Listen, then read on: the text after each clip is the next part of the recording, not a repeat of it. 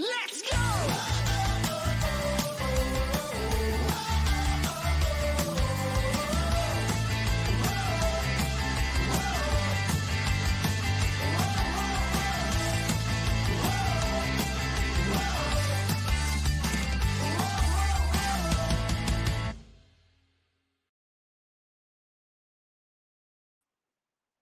Huh.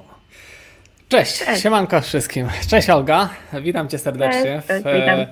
w kolejnym naszym tutaj spotkaniu na live z serii e, HR Live, e, HR Lunch, przepraszam, e, I, bo tutaj mi gdzieś dźwięk z tyłu szumiał.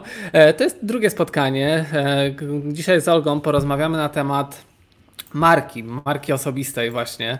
E, tematem e, drugiego Harlanchu jest, co to jest marka osobista rekrutera i dlaczego jest Ci potrzebna szczególnie teraz. E, Olga, przedstaw się, powiedz kilka słów o sobie, czym się zajmujesz, kim jesteś, może nie wszyscy nas kojarzą.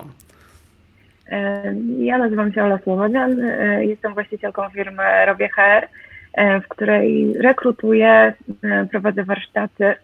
Przepraszam, ale jakoś dzisiaj z moim głosem e, coś się dzieje dziwnego, ale jestem trenerem, prowadzę warsztaty dla rekruterów, prowadzę warsztaty z budowania marki osobistej na LinkedInie i nie tylko na LinkedInie.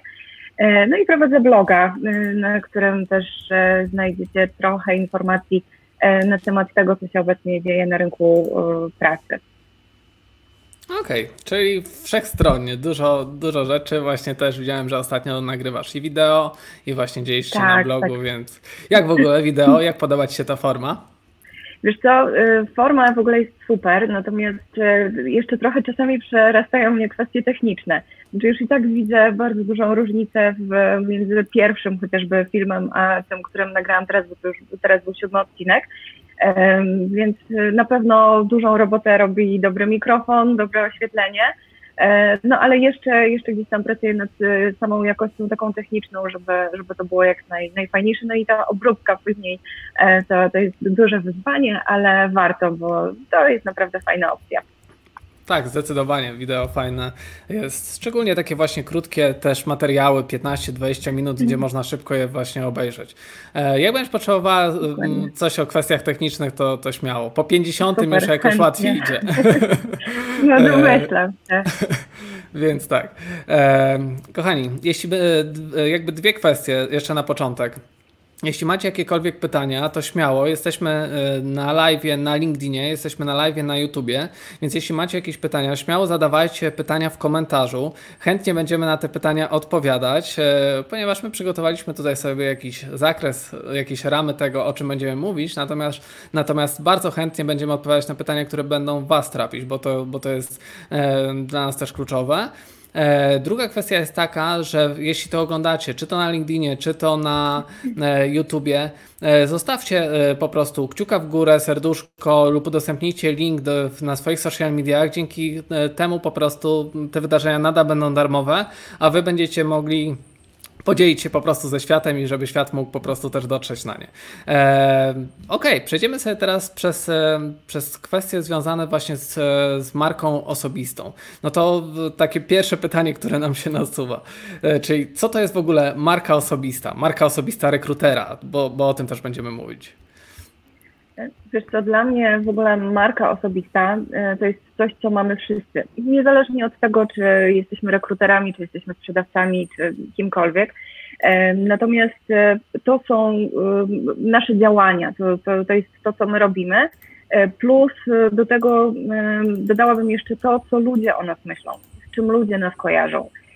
Bo tak naprawdę marką e, jest już to, jeśli my rekrutujemy, jeśli my zawsze dajemy feedback, jeśli na przykład publikujemy widełki, jeśli jesteśmy fair w stosunku do kandydata, to w ten sposób już budujemy sobie markę.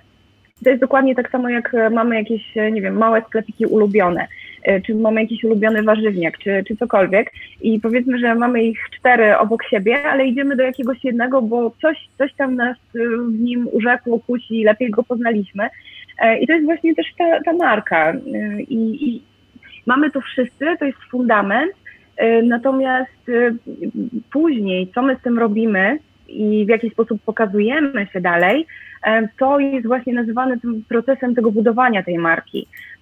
Więc, więc tak, to, tak to moim zdaniem wygląda.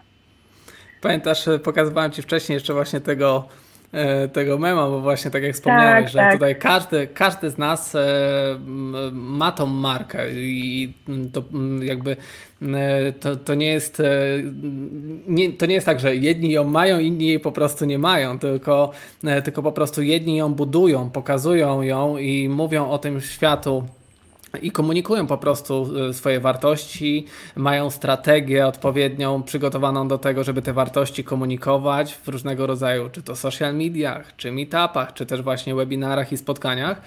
E, A, a mm, ludzie często y, właśnie widać to na LinkedInie, że myślą, że te marki personalne to są tylko kilka osób, y, które gdzieś tam e, działa i on- one się pokazują, więc ja tej marki nie mam, więc nie wiem jak ją budować. E, Ale czy to właśnie, czy to, czy to jest takie trudne, to budowanie tej marki, czy, czy właśnie jak, jeśli każdy ją ma e, i mm, ta marka osobista e, jest przypisana do każdej osoby, to, to czy trudno jest zacząć ją budować? I jak ją w ogóle budować? Wiesz co, ja myślę, że tu najważniejsze to jest to, żeby mieć jakąś strategię, jakiś plan, pomysł, żeby nie działać po omacku, bo jeśli my będziemy robić e, różne rzeczy i to nie będzie przemyślane w żaden sposób, to możemy e, mieć taki wizerunek e, trochę niespójny, chaotyczny. Tak naprawdę ludzie nie do końca będą wiedzieć, o co, o co nam chodzi. Więc e, na początku to my musimy się zastanowić, e, co chcemy ludziom przekazać i w jaki sposób chcemy się tym ludziom e, pokazać, bo rzeczywiście, tak jak powiedziałeś, markę ma każdy i natomiast my musimy się w jakiś sposób pokazać ludziom, bo jest bardzo dużo rekruterów, jest bardzo dużo ludzi, którzy robią dokładnie to samo, co my, a mimo wszystko nam zależy, żeby ci kandydaci na przykład, czy klienci współpracowali właśnie z nami. E, I ta marka jest e, takim, em, można powiedzieć, takim mostem łączącym. To jest coś, co nas może wyróżnić e, wśród innych osób. I samo budowanie może nie jest trudne, natomiast e, trzeba być konsekwentnym w tym.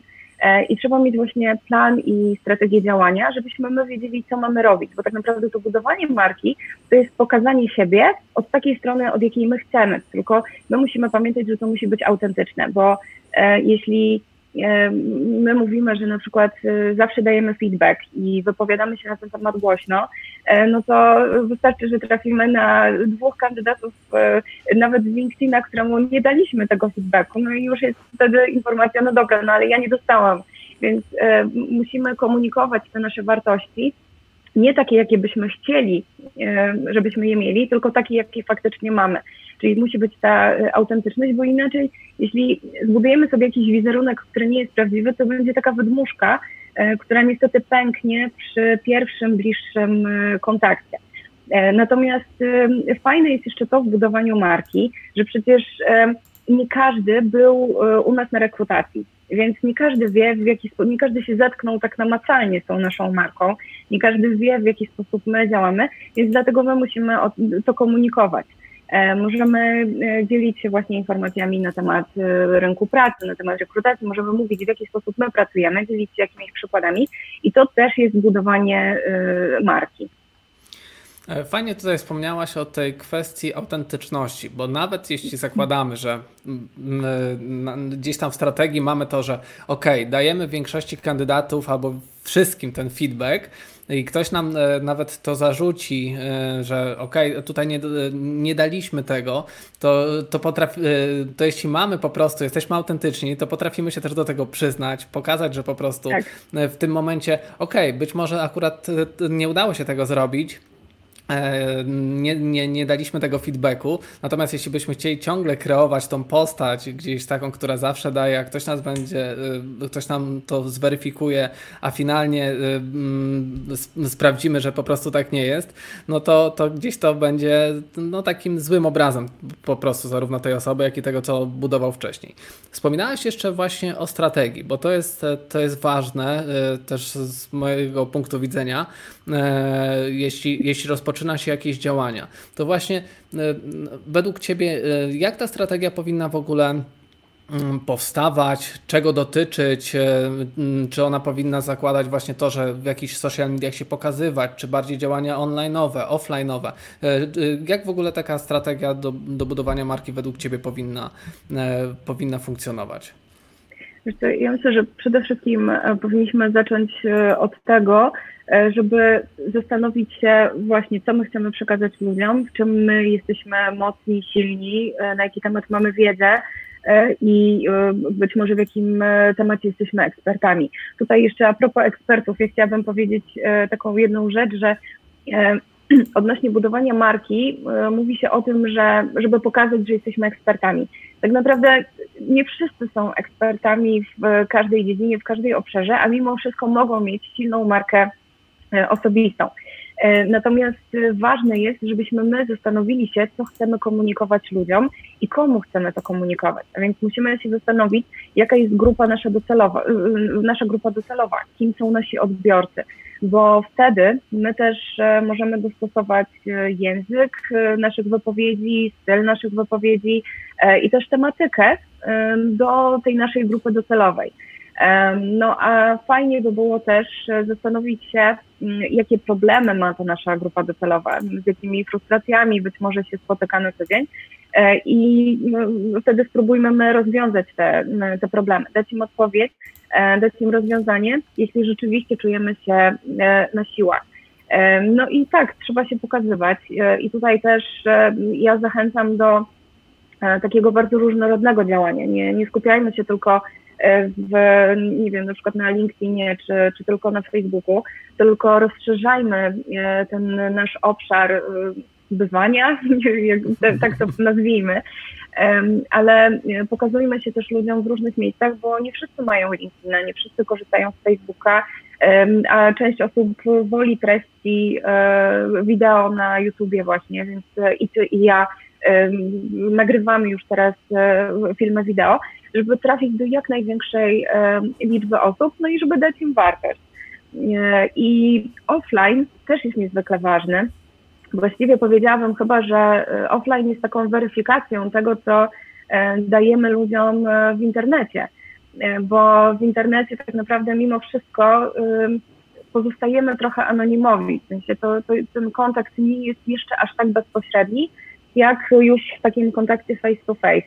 E, no i wtedy tak naprawdę wszystko się e, weryfikuje, bo nagrywając film możemy stworzyć sobie wcześniej scenariusz, możemy się do tego przygotować. W rozmowie już takiej na żywo, no raczej trudno e, o, o jakieś scenariusze, więc, więc na pewno tutaj znowu o, o tej autentyczności o to trzeba zadbać. Czyli tak krótko podsumowując, zastanowić się, czego my chcemy, w jaki sposób się komunikować, komu chcemy to zakomunikować i gdzie tym ludziom to komunikować. Wspominałaś tutaj jeszcze właśnie o tej, o tej roli eksperta, że mm, no, nie wszyscy jesteśmy od razu na, na, danym etapie, gdy coś zaczynamy komunikować ekspertami. I to ja jestem chyba tego najlepszym przykładem, e, gdzie ja e, rozpoczynałem komunikację już wtedy, gdy e, zdobywałem po prostu po, początki doświadczenia w tym, co robiłem. Natomiast mierzyłem się z jakimiś wyzwaniami dnia codziennego, zapisywałem je i jakby pokazywałem sposoby, jakie ja na to sobie wymyśliłem. Mhm. Może one działały u mnie, może u kogoś y, mogły też się sprawdzić, i właśnie w ten sposób o tym myślałem, że jeśli będę y, komunikował, będę pokazywał jakby drogę, a nie sam finalny efekt y, tej, tej, tej mojej eksperckości, bo do, do niej się przechodzi latami. To nie jest tak, że, że, że, że budujemy ją moment, to zastanawiałem się bardziej nad tym, że jak ja już teraz zacznę, to gdzie ja będę, jeśli będę to komunikował, pokazywał i tak dalej, za 10 czy za 5 lat e, w, w tym budowaniu swoich, e, swoich social mediów, e, swojej jakby grupy odbiorców również, z, którymi działam, więc właśnie ludzie, wydaje mi się, że często nie chcą właśnie wchodzić w ten świat, czy to social mediów, czy to tego dzielenia się wiedzy, ponieważ uważają też, że nie są na odpowiednim poziomie tej eksperckości. Czy uważasz, że tak też jest? Tak, tak jest i powiem Ci nawet więcej. Ostatnio prowadziłam e, szkolenie dla fundacji, dla fundacji e, Studenckie Forum e, Business Center Club. To są studenci, którzy bardzo aktywnie działają, robią różne inicjatywy, naprawdę świetni ludzie, działają, są bardzo przedsiębiorczy i, i właśnie robiłam dla nich szkolenie z LinkedIna, z budowania marki osobistej.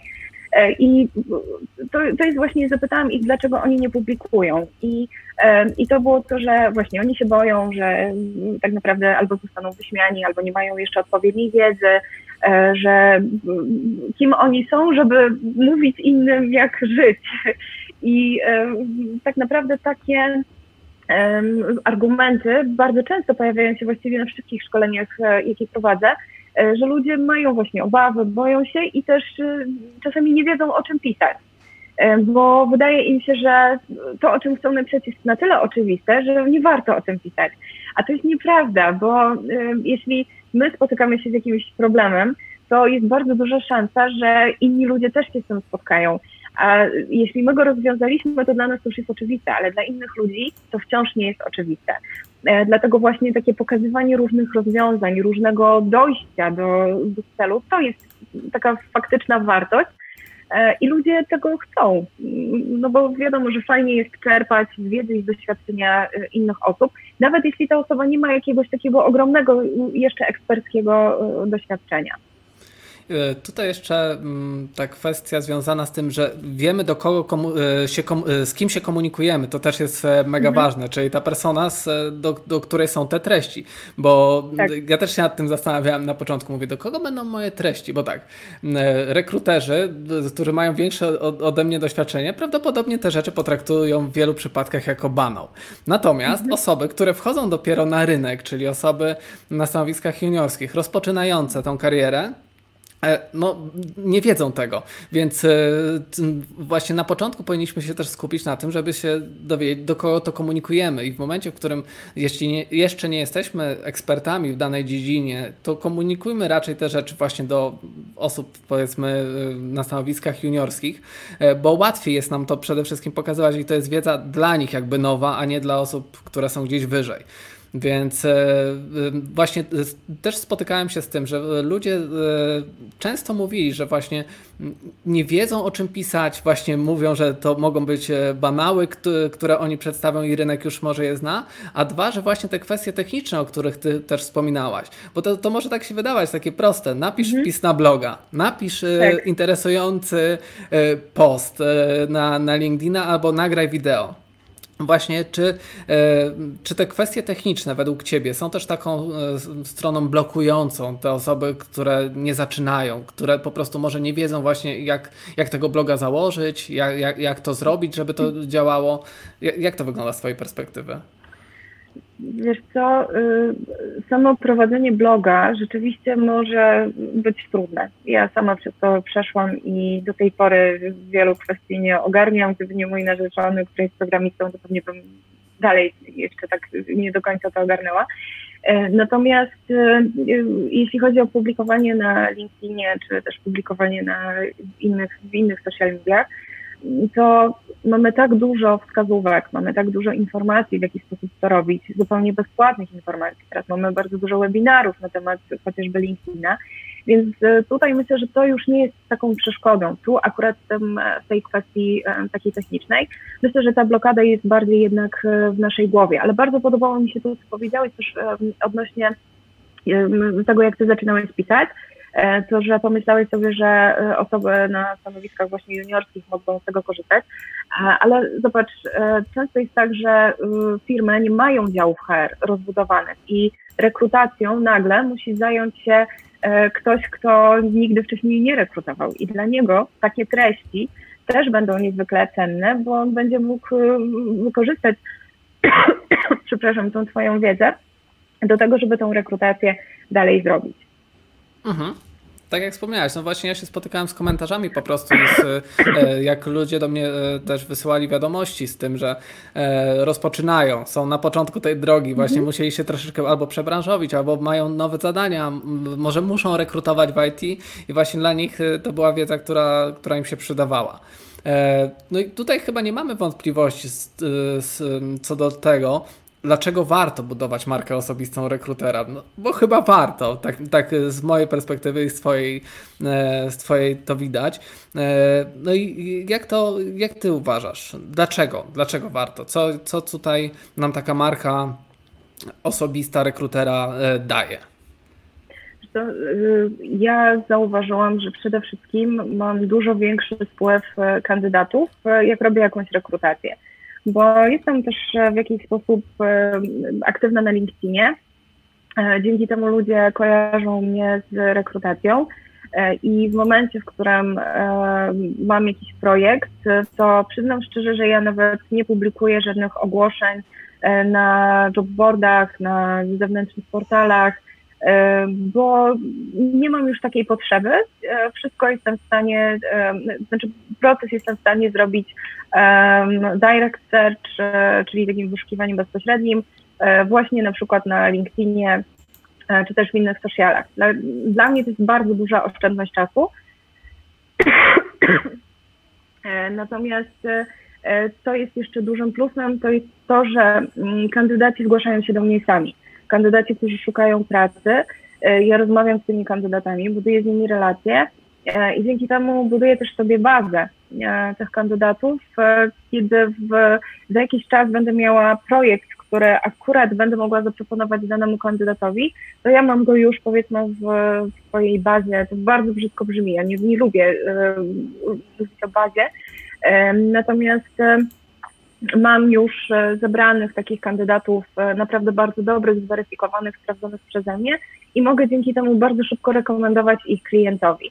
E, I to jest fajne, bo po pierwsze mi to oszczędza czas, po drugie rekrutacja trwa szybciej, a po trzecie ci kandydaci też czują się tacy bardziej zaopiektowani, a myślę, że teraz budowanie relacji jest niezwykle ważne właśnie w rekrutacji a będzie to teraz szczególnie istotne w czasie, w którym jesteśmy, w sytuacji pandemii, w sytuacji kryzysu, które mamy, ponieważ na rynku pracy e, będzie bardzo dużo ludzi, ludzi poszukujących pracy.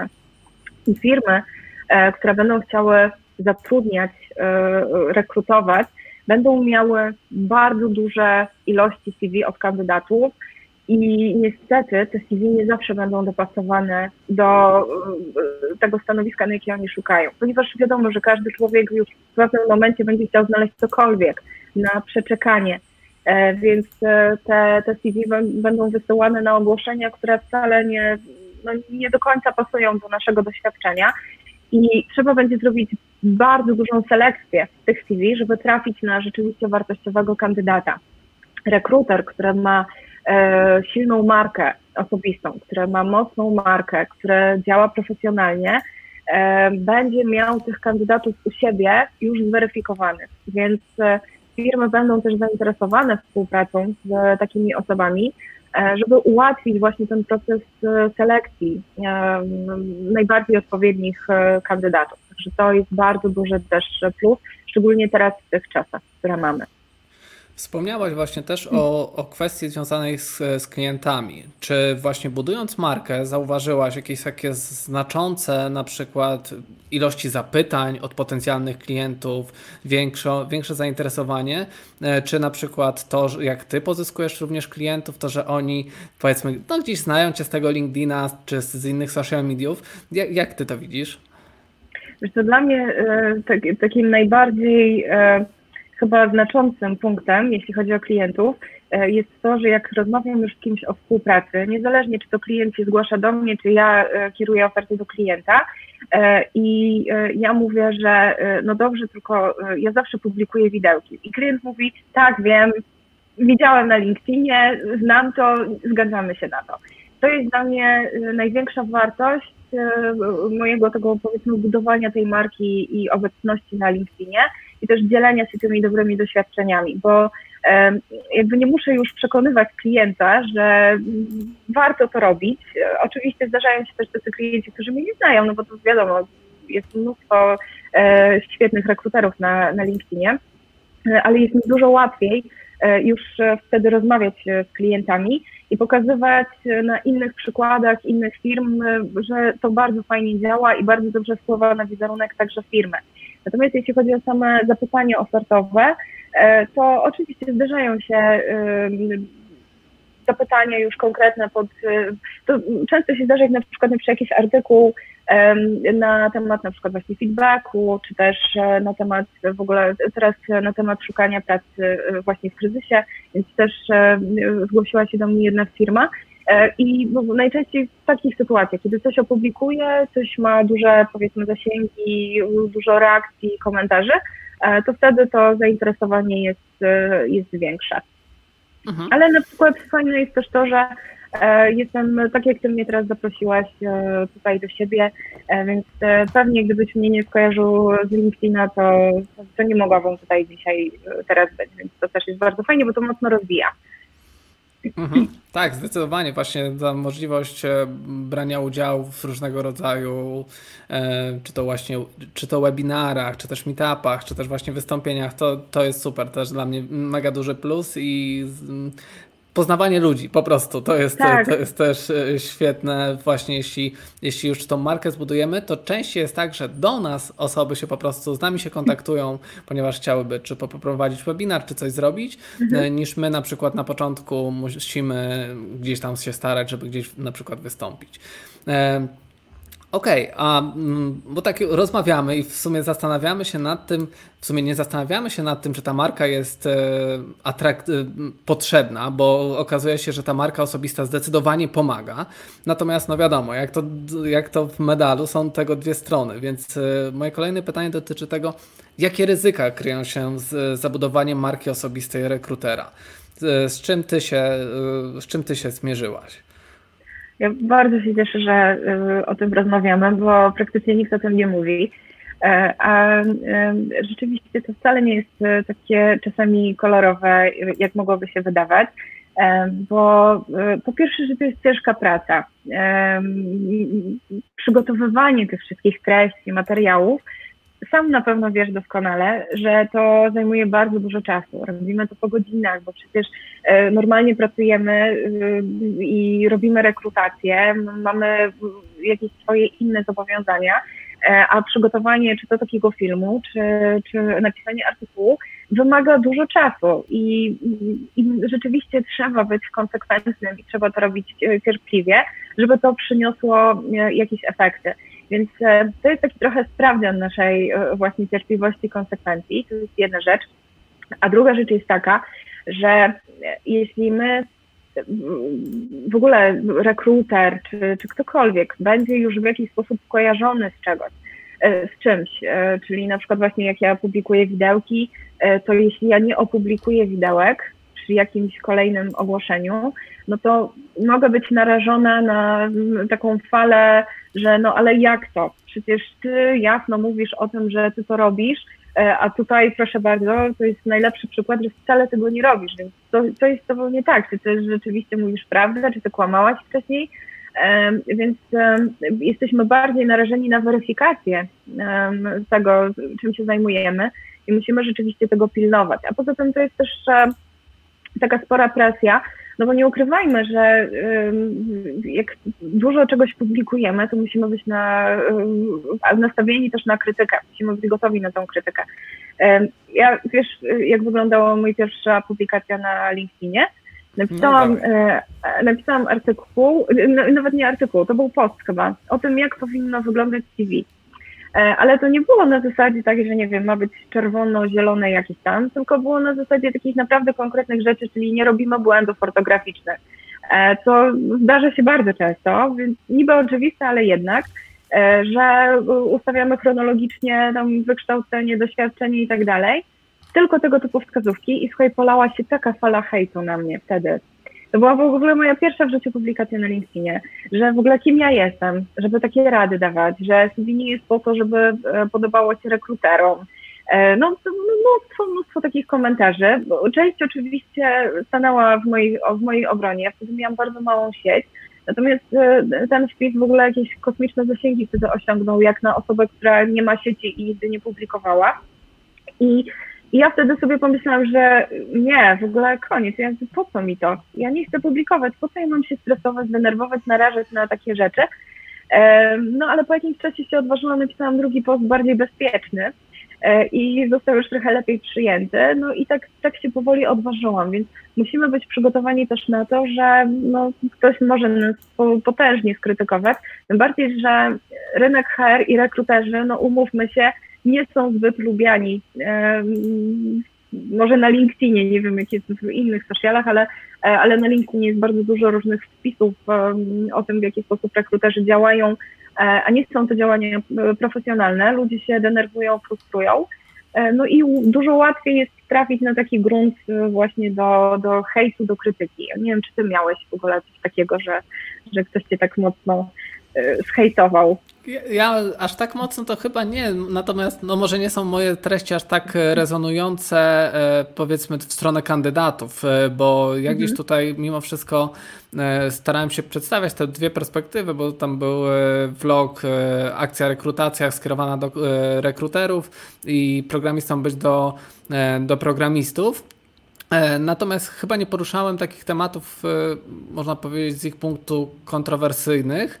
E, mhm. Natomiast myślę, że i tak LinkedIn jest, no można powiedzieć, taki no, i tak cywilizowany w porównaniu z tym, co się dzieje w innych social mediach, gdzie, gdzie na przykład taki Facebook, gdzie można testować reklamy, już spotykałem, no, nie ja się spotykałem, natomiast gdzieś moi znajomi, którzy publikowali reklamy dotyczące na przykład czy to kursów online, czy czegoś do dotyczącego, e, nie wiem, reklamy w internecie albo zarabiania w internecie, to pod takimi filmikami jest mnóstwo E, takich właśnie e, treści bardzo hejterskich.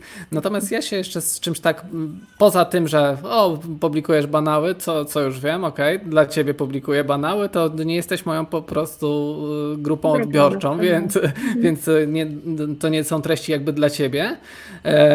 Więc myślę, że też zastanawiałem się na początku, jak wchodziłem w działania związane z social mediami, czy to jest to, co chciałbym robić. E, i czy, czy chcę e, się też narażać na właśnie tego typu, tego typu krytykę. Natomiast stwierdziłem, że chyba nie do końca ta krytyka może mnie y, tak trafić. Jeśli ona nie jest, ona, jeśli ona jest skierowana w moją wiedzę, to ja wiem na jakim poziomie jest ta wiedza. Jeśli, ona raczej, no ktoś mi może powiedzieć, no co, bo ty łysy jesteś, no bo ty z brodą jesteś, no to, to jakieś dziecinne by były no rzeczy, tak, też, jasne. które mnie w żaden sposób nie urażają. Więc y, y, myślę, że po prostu i tak wartość, którą się daje ludziom i informacje od nich, że to im się przydaje, że korzystają z tego, że robią coś z tym, jest dużo większa niż to, co nas nas może spotkać. To fajne jest to, że mimo wszystko działamy w biznesie, a nie w branży celebryckiej, gdzie tam to jest po prostu na jakimś tak. kosmicznym poziomie. Na to bym się nigdy nie zgodził. Natomiast w biznesie wydaje mi się, że ten nawet hejt jest na tyle subtelny w porównaniu z tym, co, co gdzieś indziej mogłoby nas spotkać. No, e, a powiedz mi, bo właśnie jeszcze kwestia odnośnie działań. E, mówiliśmy o strategii, mówiliśmy o tym właśnie, że warto budować, jakie są ryzyka. E, na jakich działaniach ty się obecnie skupiasz? Jak, jak wygląda Twoja strategia budowania marki obecnie? Ja przede wszystkim, e, jak chyba my wszyscy musiałam przejść do online mocno z działaniami. Mam tutaj na myśli przede wszystkim szkolenia bo jakby sytuacja kryzysu dotknęła też mnie w takim sensie, że rekrutacje, które miałam, zostały zamrożone. Tak naprawdę teraz dopiero jedna firma gdzieś tam zaczyna mówić o, o tym, że, że może wrócimy do rekrutacji. Musiałam odwołać wszystkie szkolenia, które były zaplanowane offline, a właśnie e, robiliśmy też, e, mieliśmy w planach e, szkolenie zbudowania marki osobistej z Marianem Chrzarem, z fotografem, gdzie szkolenie miało być połączone z sesją zdjęciową, więc w ogóle miało być naprawdę, mieliśmy ogromne nadzieje co do tego warsztatu i bardzo dużo pracy włożyliśmy, żeby to przygotować. No i nagle się okazuje, że no niestety nie możemy tego zrobić, więc trzeba było się zastanowić, jak to, jak się przenieść e, do tego internetu. E, więc e, no cóż, też szkolenia online. Zaczęłam więcej nagrywać wideo, bo pierwsze filmiki powstały co prawda przed pandemią, ale nie były aż tak bardzo regularnie nagrywane. Natomiast teraz skupiłam się na tym YouTubie jakoś nie mogę się przekonać do Instagrama i, i tutaj mam kilka zdjęć wrzuconych na profilu firmowym, ale jakby nie, nie do końca jeszcze to czuję. Trochę zaczęłam bardziej też rozwijać Facebooka, więc zaczęłam wielotorowo działać. No i też zrobiłam badanie. Badanie, co rekruterzy robią na LinkedInie Mam już zebrane wyniki, teraz je opracowuję, więc myślę, że w przyszłym tygodniu powinnam zrobić już raport i myślę, że też zrobię webinar na ten temat, bo są wyniki bardzo ciekawe, szczególnie z perspektywy osób, które teraz szukają pracy.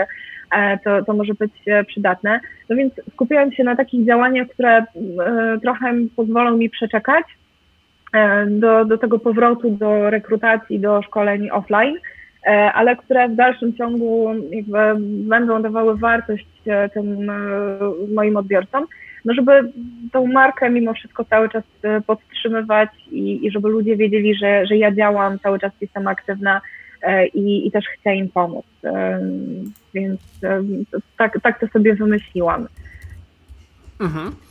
Właśnie o, o, tak się pojawia to słowo e, dosyć często, ta wartość, czyli coś, co właśnie my gdzieś przekazujemy. I gdzieś tak mi zawsze przyświecała myśl, e, jak myślałem o tym, mm, że chciałbym właśnie zbudować e, rozpoznawalną markę w świecie rekrutacji IT, to gdzieś mi zawsze ta wartość z tyłu chodziła w, w głowie, że, że, że za marką po prostu kryje się przekazywana wartość dla odbiorców. To, tak, ja to sobie tak mhm. najprościej tłumaczyłem. E, I myślę, że też tutaj y, wspominałaś e, jeszcze o jednej bardzo ważnej rzeczy, że mm, duża część osób bardzo krótkoterminowo postrzega pewne działania e, i, i patrzy na coś takiego, że okej, okay, no to opublikuję raz w tygodniu jakiś post, potem tam mi się nie uda, to nie opublikuję, potem wrócę za dwa miesiące i znowu coś tam zrobię i tak na pewno ludzie będą kojarzyć, bo ja, bo ja tam już gdzieś to wrzuciłem.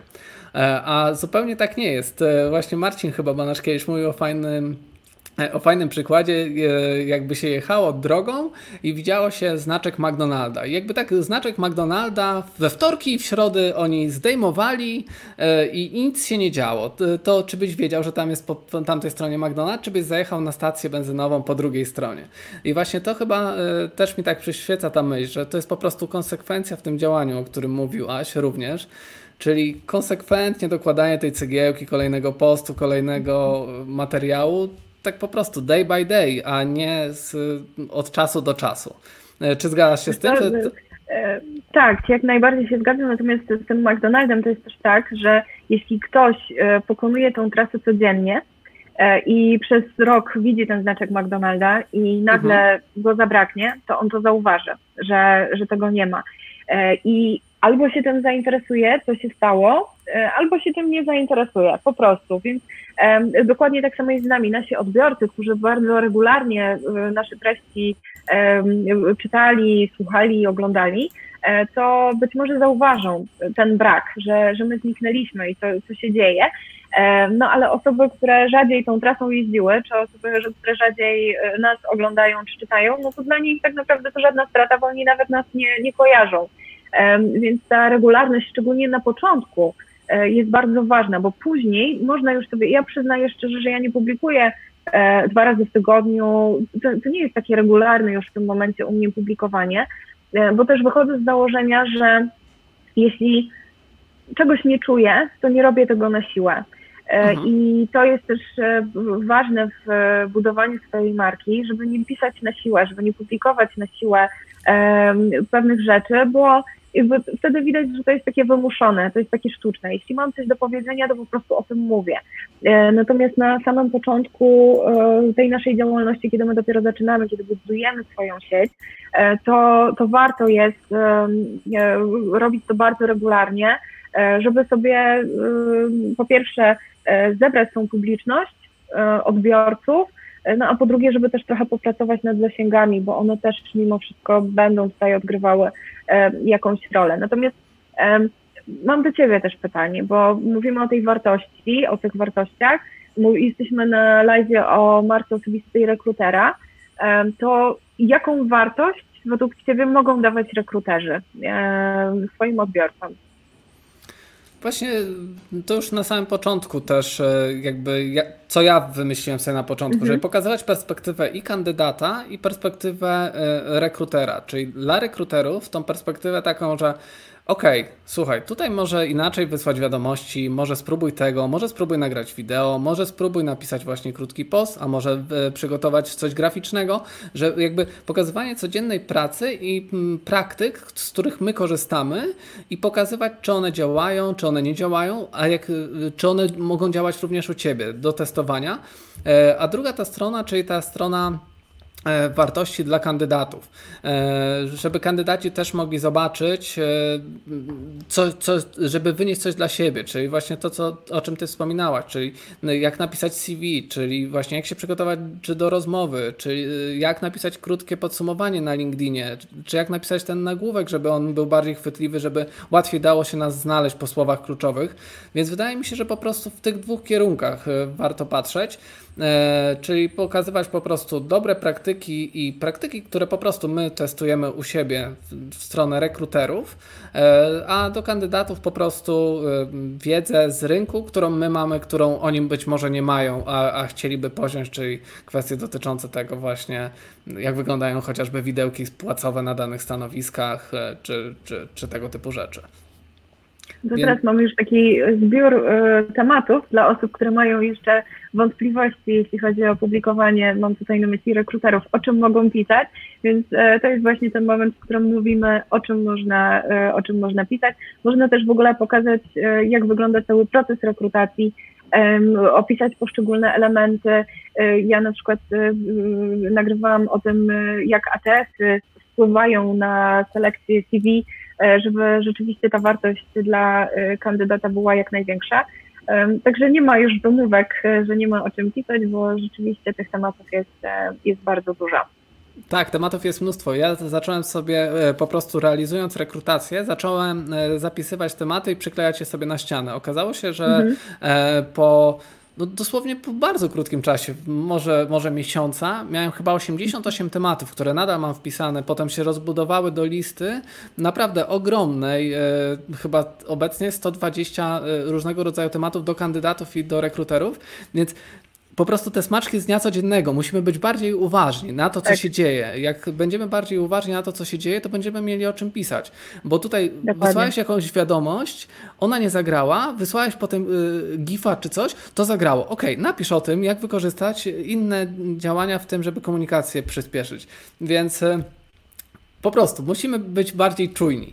E, wspominaliśmy też e, o tym, że, że warto e, tą markę budować na początku, no i żeby być konsekwentnym, regularnym w miarę, jeśli to możliwe. Więc jeśli chcemy budować tą naszą grupę odbiorców, to tak jakbyśmy mieli w, w dwóch słowach powiedzieć, od czego zacząć tą budowę marki. No, od strategii. To jest najważniejsze. Od, od strategii i od pomysłu na siebie, w jaki sposób chcemy e, się przedstawić. Jeszcze tylko e, tak bardzo szybko opowiem o jednym przykładzie, e, który mhm. bardzo lubię.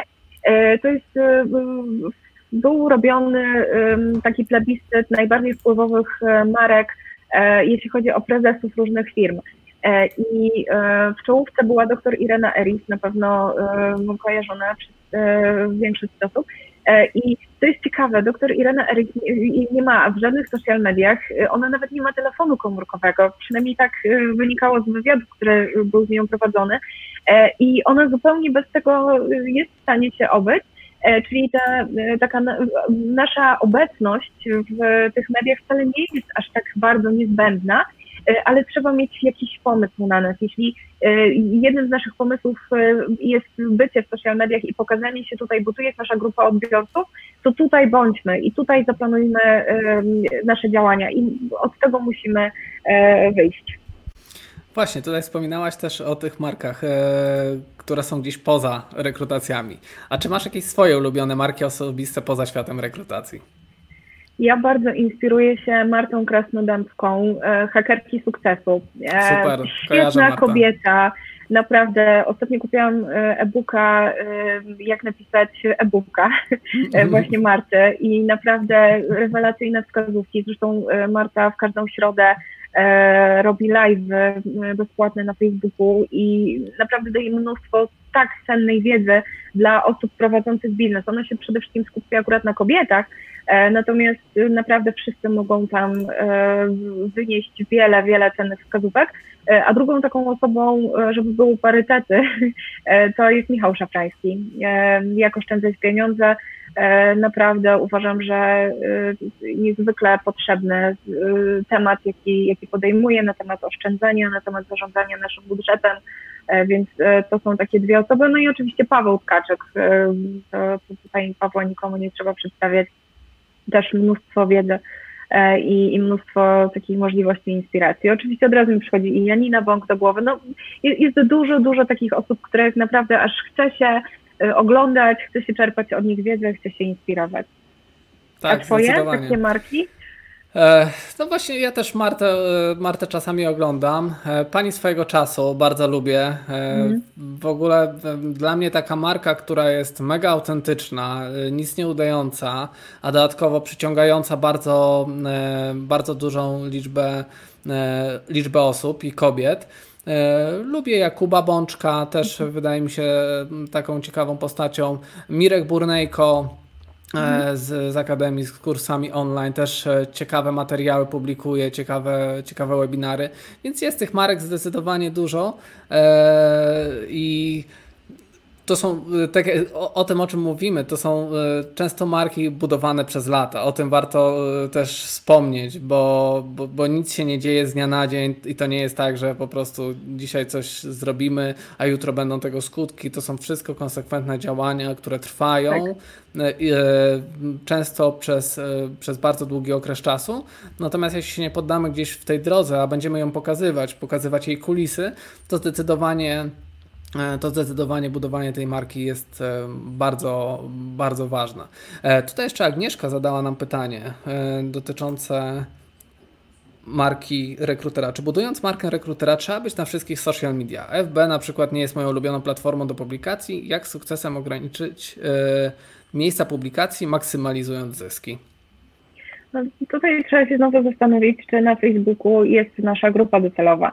E, natomiast e, oczywiście, jeśli e, my nie czujemy się dobrze na jakiejś platformie, tak jak ja mówiłam o Instagramie, że ja go nie czuję, to ja nie, nie dodaję tam dużo treści, bo to, ja wiem, że to byłoby sztuczne, więc wtedy lepiej skupić się na tej platformie, na, na której, w której czujemy się bardzo swobodnie i zastanówmy się właśnie, czy, czy tu jest nasza grupa odbiorca i jakimi treściami tą naszą grupę e, odbiorców zainteresować.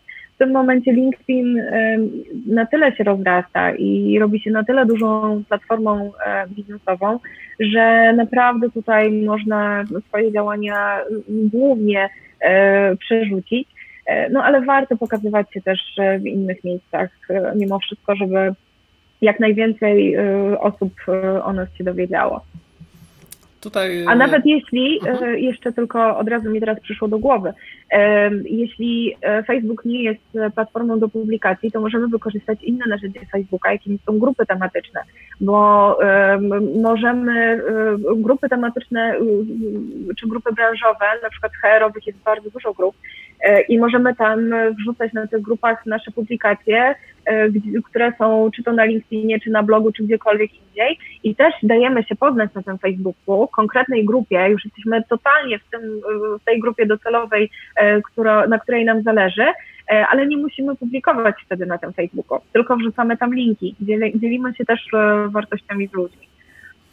Tak, myślę, że tutaj e, jest też ważna e, jakby inna kwestia, którą się jakby z czasem e, wypracowuje, czyli redystrybucja treści, co, co, mhm. dla, mnie jest, co dla mnie jest teraz takim odkryciem i, i czymś kluczowym, że to, że przygotowałeś jakiś jeden rodzaj treści, to wcale nie musi oznaczać, że musisz go opublikować w jednym social mediów, bo można z, z długiego na przykład takiego webinaru wyciąć krótkie wideo, dodać do tego napisy, opublikować to na LinkedInie, dodać opis.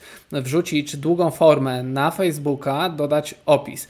E, mając grupę na Facebooku, e, dodać e, też całe, całe wideo, na przykład już gdzieś dostępne bezpośrednio na YouTubie, żeby osoby mogły je komentować na YouTubie. E, dodatkowo przygotowujemy z tego mikrocontent, czyli e, kroimy po prostu na krótkie pytania i publikujemy to na przykład na, e, na Instagramie. A dodatkowo wycinamy samo audio i robimy z tego podcast. Więc o to chodzi, żeby finalnie redystrybuować też treść, którą, którą tworzymy raz i żeby ona mogła żyć w innych social mediach. Chyba najlepszym takim przykładem tutaj mi się kojarzy właśnie Gary Vaynerchuk, który jest po prostu mistrzem, tak. gdzie wchodzi na konferencję konferencję z własnym kamerzystą, kręcą e, po prostu całość dwie godziny, wrzucają to w social media, zbierają e, feedback z rynku, robią mikrocontent i znów e, puszczają we wszystkie social media. 30 chyba, 30 chyba 6 czy 38 porcji kontentu z jednego wystąpienia, które łącznie generowały 35 milionów wyświetleń w różnych social mediach. Więc też warto, warto o tym wspominać, że na początku zastanowić się, na której platformie my chcemy działać, a potem się gdzieś rozszerzać z czasem, a nie, a nie żeby zajmować się na wszystkich od razu, bo, bo to na pewno będzie trudne i czasochłonne i to wymaga zdecydowanie czasu. Tak, ale dodatkowo możemy też e, odświeżać nasze treści. To znowu o tym Paweł Tkaczyk też mówi, że jeśli wrzucimy coś na naszego bloga, czy opublikujemy jakiś artykuł na LinkedInie chociażby e, rok temu, to możemy go zaktualizować e, w tym momencie do nowej rzeczywistości, możemy zrobić aktualizację, albo jeśli on jest w dalszym ciągu e, aktualny, to możemy też go wrzucić z powrotem, przypomnieć o nim. I wtedy dzięki temu, to co rok temu opublikowaliśmy, jest duże szanse, że już nikt się do tego nie dokopie, więc my sobie my przypominamy o tym, bo to jest wartościowe, a jednocześnie mamy kolejny kontent do, do podzielenia dokładnie też w ten sam sposób można robić na tych platformach, które nie do końca lubimy. Możemy po prostu przypominać nasze treści, e, które zostały już stworzone jakiś czas temu. Tak, tak, to właśnie u Pawła jest e, bardzo fajnie, bo to e, ja już Pawła śledzę długi, długi okres czasu mhm. i gdzieś tam w newsletterze widać, że te treści wracają tak. jak bumerang tak, po, po właśnie takim czasie, że człowiek myśli, o, nowa treść, więc, e, więc zdecydowanie kolejna z opcji, jeśli coś stworzymy, to pozwólmy temu raz puścić to szeroko, jeśli chcemy, a dwa, odświeżyć co jakiś czas i, i wcale tego kontentu już finalnie nie, nie buduje się aż tak dużo, żeby to było niemożliwe, więc starajmy się po prostu jakoś tym dobrze, e, dobrze zarządzać. E, tutaj jeszcze mamy chyba jakieś pytanie dotyczące. Czy marka osobista rekrutera różni się w zależności od branży? Jakie elementy składają się na markę w poszczególnych branżach? Ja bym powiedziała, że nie różni się. Sama marka osobista, no bo to, to jest to, co powiedzieliśmy na początku. Markę osobistą ma każdy z nas.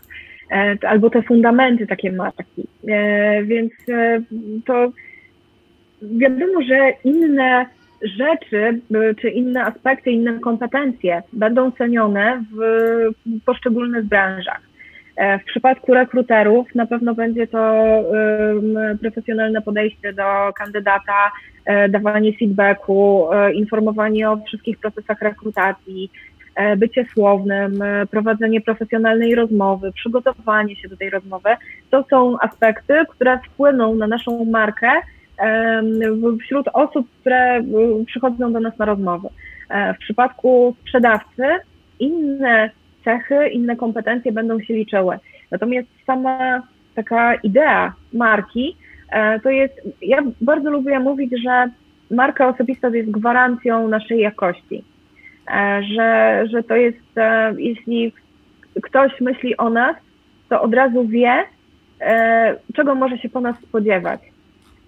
I, I to tak naprawdę myślę, że jest uniwersalne i zupełnie nie zależy od branży. I, i też te elementy tutaj e, nie, nie można o nich mówić. Sam sposób e, później już takiego pokazywania siebie będzie różny w różnych branżach, bo w jednych branżach będzie lepsze pokazywanie się na wideo, w innych będzie lepsze robienie webinarów, a w jeszcze innej branży lepsze będzie pisanie artykułów, bo, bo są różne specyfiki branż. E, natomiast sama taka, mówię, idea budowania marki, wydaje mi się, że tutaj nie, nie różni się w żadnej branży. Nie wiem, co ty o tym sądzisz. Mi też się tak wydaje, że potem jakby to są, potem o czym mówimy tam dalej, to są te kwestie związane z strategią, e, tak. czyli właśnie e, czy to będzie Facebook, czy to będzie LinkedIn, to są tylko narzędzia w, w, tej, tak. w tej całej strategii, mhm. więc je dobieramy jakby na samym końcu. Na początku zastanawiamy się, do kogo my w ogóle mówimy, jakie są nasze wartości, jakie wartości innym chcemy przekazać i gdzie jest ta grupa odbiorców, do, z którymi chcemy po prostu się komunikować. No i też nie zapominajmy o tym, że warto testować i sprawdzać po prostu, bo to, co może nam się wydawać, e, że, że, że tak jest, wcale tak nie musi być, a to, co się okazuje, że gdzieś, gdzieś na przykład właśnie na grupach facebookowych może się okazać, że są bardzo fajne e, kontakty, osoby, czy stworzenie tej grupy właśnie facebookowej może sprawić, że po prostu ludzie będą z nami chętniej tam się komunikowali niż na przykład na mailach, czy, e, czy gdzieś na YouTubie, więc przetestujmy, zobaczmy, e, mhm. dajmy sobie czas, e, sprawdźmy dane narzędzie, ale na początku skupmy się po prostu na tym, do, do, kogo i z jakim komunikatem my w ogóle wychodzimy, a potem sobie będziemy je dobierać, jakby już w samym przykładzie strategii. Tak. E Okej, okay, ale jesteśmy punktualni. Miało być 45 minut, ale przeważnie jest godzina. Zawsze, zawsze tak jest, e, ponieważ odpowiadamy jeszcze na pytania. E, jakbyśmy mieli tak zostawić ludzi z, z takim, no, takim przesłaniem od, odnośnie tej marki, co byś powiedziała e, właśnie osobom, które oglądają aktualnie? Że warto? Że warto. Nie, tak serio. Tak, spróbujcie. Spróbujcie, bo też same reakcje ludzi, jeśli będą pozytywne, e, to będą Was motywować do dalszego działania. Pewnie też tak masz, że jak coś jest dobrze przyjęte i wiesz, że rzeczywiście ludzie z tego korzystają, to aż chce ci się dzielić dalej tą wiedzą, tym swoim doświadczeniem i chce się dalej to robić, publikować. E, więc to naprawdę po pierwsze, że też rozwija nas samych, uczymy się wielu rzeczy, uczymy się na błędach E, a też e, jeśli uznamy, że to nie jest dla nas, no to możemy w każdej chwili przestać. E, I to, to natomiast zawsze warto mieć taki wizerunek profesjonalisty, bo, no bo to jest po pierwsze fajne, my się też lepiej z tym czujemy, jeśli tak działamy. Natomiast no, najpierw zanim zaczniecie działać, to rzeczywiście zastanówcie się, co chcecie i jak chcecie, żeby to wyglądało E, żeby później te wasze działania e, nie były chaotyczne. Nie pokazujcie siebie takimi, jakimi chcielibyście być, tylko takimi, jakimi naprawdę jesteście. To jest chyba taki. Tak, to jest chyba, to jest chyba klucz też dla mnie, ponieważ i tak znajdą się osoby, jest tak duży świat, które po prostu zaakceptują to, kim ty jesteś, a nie twój, tak. twój obraz siebie. I, I, to, jest, to jest mega ważne. Na początku każdy z nas gdzieś tam coś robiąc, no ma te, ma te takie y, pociągi do tego, żeby się troszeczkę y, tak. bardziej wyidealizować y, i chciałby, żeby to było on ale potem, potem to gdzieś schodzi. Po kolejnych materiałach już stajemy się coraz bardziej sobą i, i ta grupa właśnie odbiorców takich, którzy po prostu też z nami rezonują, z, z nami zostaje i to jest, i to jest, mega, to jest mega ważne. E, Olga, bardzo Ci dziękuję za tą rozmowę. E, mam nadzieję, że ja wyciągnęliście dla siebie kilka ciekawych e, informacji odnośnie budowania marki. Właśnie na tym polegają nasze spotkania HR Lunch. To jest w miarę luźna rozmowa z, z kilkoma pytaniami. Chodzi nam o to, żeby pokazać Wam, że można podyskutować na jakiś temat i przy okazji zaciągnąć troszeczkę wiedzy dla siebie w czasie pracy, bo to, bo to jest też właśnie w tych godzinach. Kochani, Kochani, jeśli Wam się podobało, jeśli chcecie takich materiałów więcej, e, zostawcie e, łapkę w górę e, na YouTubie czy też na LinkedInie i w kolejnych tygodniach również będą kolejne wydarzenia HR Lunch prowadzone, a dodatkowo w piątek, jeśli jeśli jeszcze macie ochotę, to jeszcze jest spotkanie HR Grono o godzinie, e, o godzinie 10. Również na YouTube e, i na, na LinkedIn będzie publikowane e, z, z Nadią Harris i z Justyną Jakubczyk. Będziemy rozmawiać o tym, jak oderwać się od krzesła na home office. Plus fajne ćwiczenia również ruchowe. Także serdecznie Was zapraszam. Olga, wielkie dzięki za to, że podzieliłaś się dzięki swoją wiedzą i, i mam nadzieję do zobaczenia na kolejnych webinarach w sieci. Do zobaczenia. Dzięki. Dzięki. Trzymaj się. Cześć. Cześć.